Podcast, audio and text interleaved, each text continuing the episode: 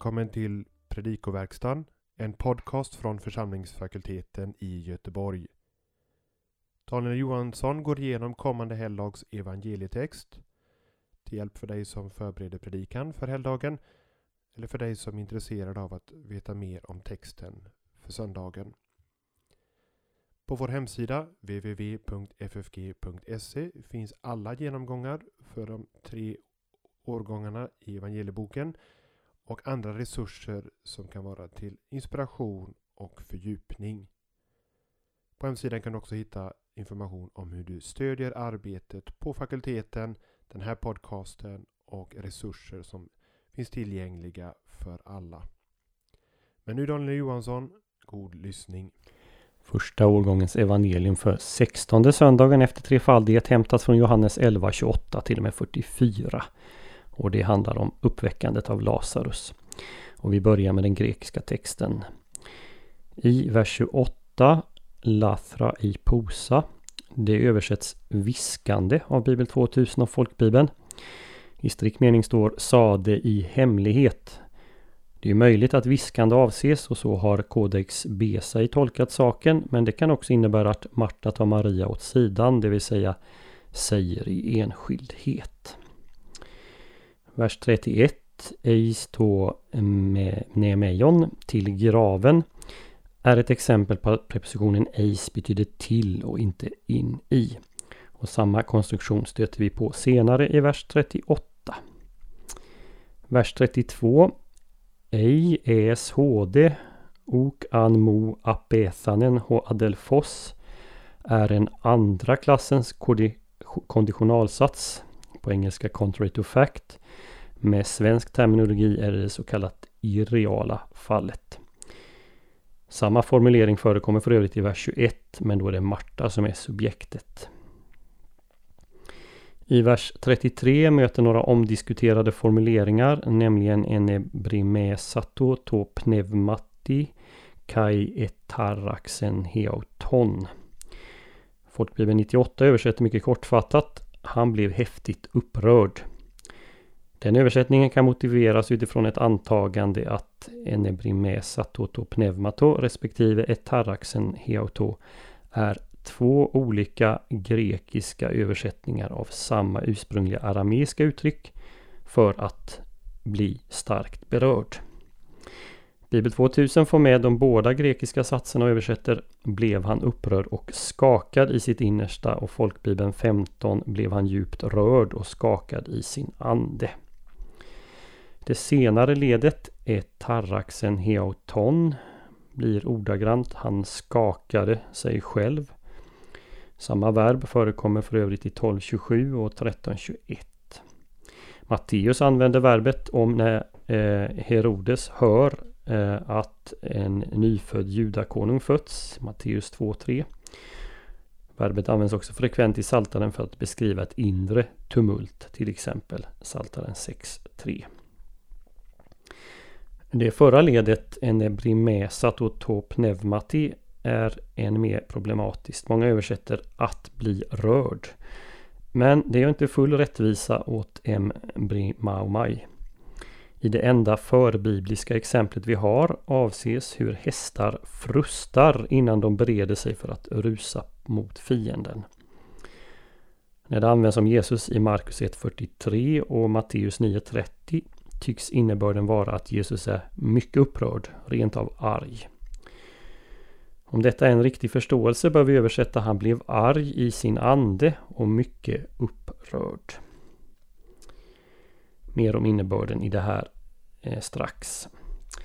I vers 34 är konstruktionen erchokaide como se densamma som i 1.46. I vers 35 eh, lägger vi märke till att ett annat verb används för att Jesus gråter. E är dakrysen än det som används om de som är samlade. I vers 33 används verbet klajo om dem.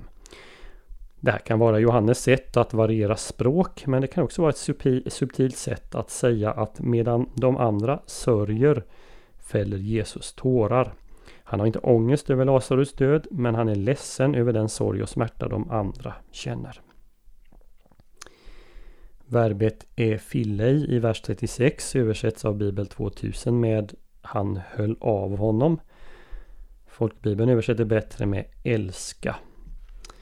I podden till andra söndagen i påsktiden, årgång 2, har jag visat att Johannes använde fileo och agapao som synonymer. Vers 39, arate ton lithon. Participet av samma verb används för att beskriva hur stenen till Jesu grav är borttagen i 21. Både verbet åt sig, han luktar och adjektivet tetartaios, det som sker på fjärde dagen, är så kallade hapax legomena i Nya Testamentet, förekommer alltså bara här. Vers 40 har vi en annan konditionalsats. Ean pistevses hopse, förlåt, opse ten doxan to theo. Här är det frågan om en konditionalsats av tredje klassen. Eh, på svenska kallar vi det för futurfallet eller möjligen också det potentiella fallet. Om du trodde skulle du få se Guds härlighet. Vers 41 Evcharisto soi hoti, ekosas mo. Ekosas är aorist och Bibel 2000 översätter följaktligen med har hört. Folkbibeln översätter däremot med en presens hör. Och samma skillnad föreligger i vers 42 i satsen ego de edein. Edein är en pluskvamperfekt men det har imperfektiv funktion. Däremot eh, så översätter eh, Bibel 2000 i då, eh, förlåt, här översätter då Bibel 2000 med visste, men folkbibeln använder återigen presens vet. Däremot när det gäller verbet eipon, jag sade, är det tvärtom. Bibel 2000 och folkbibeln 15 översätter med säger i presens medan folkbibeln 98 översätter imperfekt lite fritt. Bad jag denna bön, men i dåtid. Här kan man konstatera att engelska översättningar använder samma tempus som grekiskan eh, genomgående. Vi lägger också märke till att satsen hotti syme apesteilas förekommer totalt fem gånger i evangeliet. Här och sedan fyra gånger i kapitel 17 i verserna 8, 21, 23 och 25. I vers 43 möter vi verbet kraugatso det används senare i Johannes evangeliet när folket ropar mot Jesus 1840 19.6 och vidare vers 12 och 15 i samma kapitel. Satsen Devro exo är minst sagt koncist ordagrant betyder den hit ut underförstått kom hit ut. Vers 44 det substantiverades eh, eh participet H. Teth återfinns också i 1933 och etablerar en koppling mellan den döde Lazarus och den döde Jesus. Keiria i samma vers är också ett nytestamentligt hapax, det betyder bindel. Notera också att Bibel 2000 vänder på ordföljden tos poddas kaitas skeiras, fötter och händer eller armar. Det gör visst eh, många engelska översättningar också. Folkbibeln däremot bibehåller ordföljden och vi ska strax se att det kan finnas skäl för den. Och vi noterar till sist verbet periededeto som i strikt mening betyder insvept, invirad, inte bara täckt. Läsningen har två huvuddelar. Först beskrivs Jesu möte med Maria i verserna 33 37 och sedan uppväckandet av Lazarus i 38 44. Johannes har redan i kapitel 11 gett oss bakgrunden och därefter beskrivit mötet med Marta när vi kommer in i texten. Vi kan också lägga märke till att här, den här texten är placerad strax efter mitten i evangeliet. Det finns en tillbakablick till kapitel 5 och en blick framåt till Jesu egen begravning och uppståndelse. De flesta räknar också detta som det sjunde av Jesu tecken, av, av sju tecken. Alternativet är att man räknar Jesu egen uppståndelse som det sjunde, varpå detta i så fall blir det sjätte tecknet.